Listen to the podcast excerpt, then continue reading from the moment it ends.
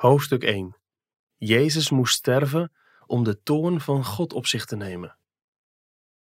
Christus heeft ons vrijgekocht van de vloek van de wet door voor ons een vloek te worden. Want er staat geschreven: Vervloekt is een ieder die aan een hout hangt. Galaten 3, vers 13. Hem heeft God openlijk aangewezen als middel tot verzoening, door het geloof in zijn bloed. Dit was om zijn rechtvaardigheid te bewijzen, vanwege het voorbijgaan aan de zonde die eertijds hadden plaatsgevonden onder de verdraagzaamheid van God. Romeinen 3, vers 25. Hierin is de liefde. Niet dat wij God lief gehad hebben, maar dat Hij ons heeft lief gehad en zijn zoon zond als verzoening voor onze zonde. 1 Johannes 4, vers 10. Als God niet rechtvaardig was, zou het lijden en sterven geen vereiste zijn geweest voor zijn zoon. Als God niet liefdevol was, zou zijn zoon niet bereid zijn geweest om te lijden en te sterven. Maar God is zowel rechtvaardig als liefdevol. Daarom is zijn liefde bereid te voldoen aan de eisen van zijn rechtvaardigheid. Gods wet eist: Daarom zult u de Heere, uw God, liefhebben met heel uw hart, met heel uw ziel en met heel uw kracht. Deuteronomium 6, vers 5. Toch houden wij allemaal meer van andere dingen. Dat is dus zonde. God onteren door in ons leven niet Hem op de eerste plaats te stellen, maar andere dingen. En dat we daar ook naar handelen. Daarom staat er in de Bijbel: Want allen hebben gezondigd en missen de heerlijkheid van God. Romeinen 3, vers 23.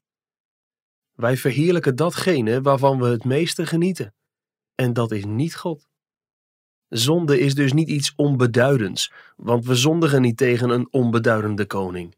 Hoe hoger de status van de beledigde persoon, des te ernstiger de belediging.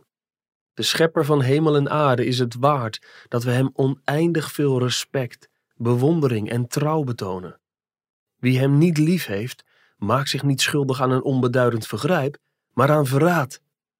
Het onteert God en maakt het menselijk geluk kapot. Omdat God rechtvaardig is, kan hij deze zonde niet zomaar onder het vloerkleed vegen. Ze wekken bij hem een heilige toorn op. Ze moeten bestraft worden. Want het loon van de zonde is de dood. Romeinen 6, vers 23. De mens die zondigt, die zal sterven. Ezekiel 18, vers 4. Er rust een heilige vloek op alle zonden. Die niet bestraffen zou onrechtvaardig zijn. De vernedering van God zou erdoor onderstreept worden. De wereld zou dan in wezen geregeerd worden door een leugen. Daarom zegt God: Vervloekt is een ieder die niet blijft bij alles wat geschreven staat in het boek van de wet, om dat te doen. Galaten 3 vers 10 en Deuteronomium 27 vers 26.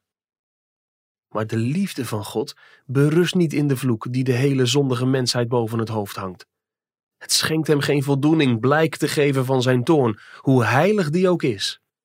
Daarom stuurt God zijn eigen zoon, om zijn toorn weg te nemen en de vloek te dragen voor iedereen die vertrouwt op hem. Christus heeft ons vrijgekocht van de vloek van de wet door voor ons een vloek te worden. Gelaten 3, vers 13. Dat betekent het woord verzoening in Romeinen 3, vers 25. Het verwijst naar het wegnemen van Gods toorn door er iets anders voor in de plaats te stellen. God voorzag daar zelf in door Jezus Christus te zenden als plaatsvervanger. Christus haalt niet slechts een streep door de toorn, hij laat die op zichzelf neerkomen in plaats van op ons.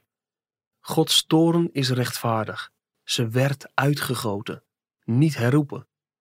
Laten we ervoor uitkijken dat we God niet serieus nemen of zijn liefde bagatelliseren. We krijgen pas werkelijk diep ontzag voor de liefde van God voor ons als we ons rekenschap geven van de ernst van onze zonde en de rechtvaardigheid van zijn toorn. Als we door genade onze onwaardigheid gaan beseffen, kunnen we met het oog op het lijden en het sterven van Jezus zeggen: Hierin is de liefde. Niet dat wij God lief gehad hebben, maar dat Hij ons heeft liefgehad en Zijn Zoon zond als de toornopvangende verzoening voor onze zonde. 1 Johannes 4, vers 10.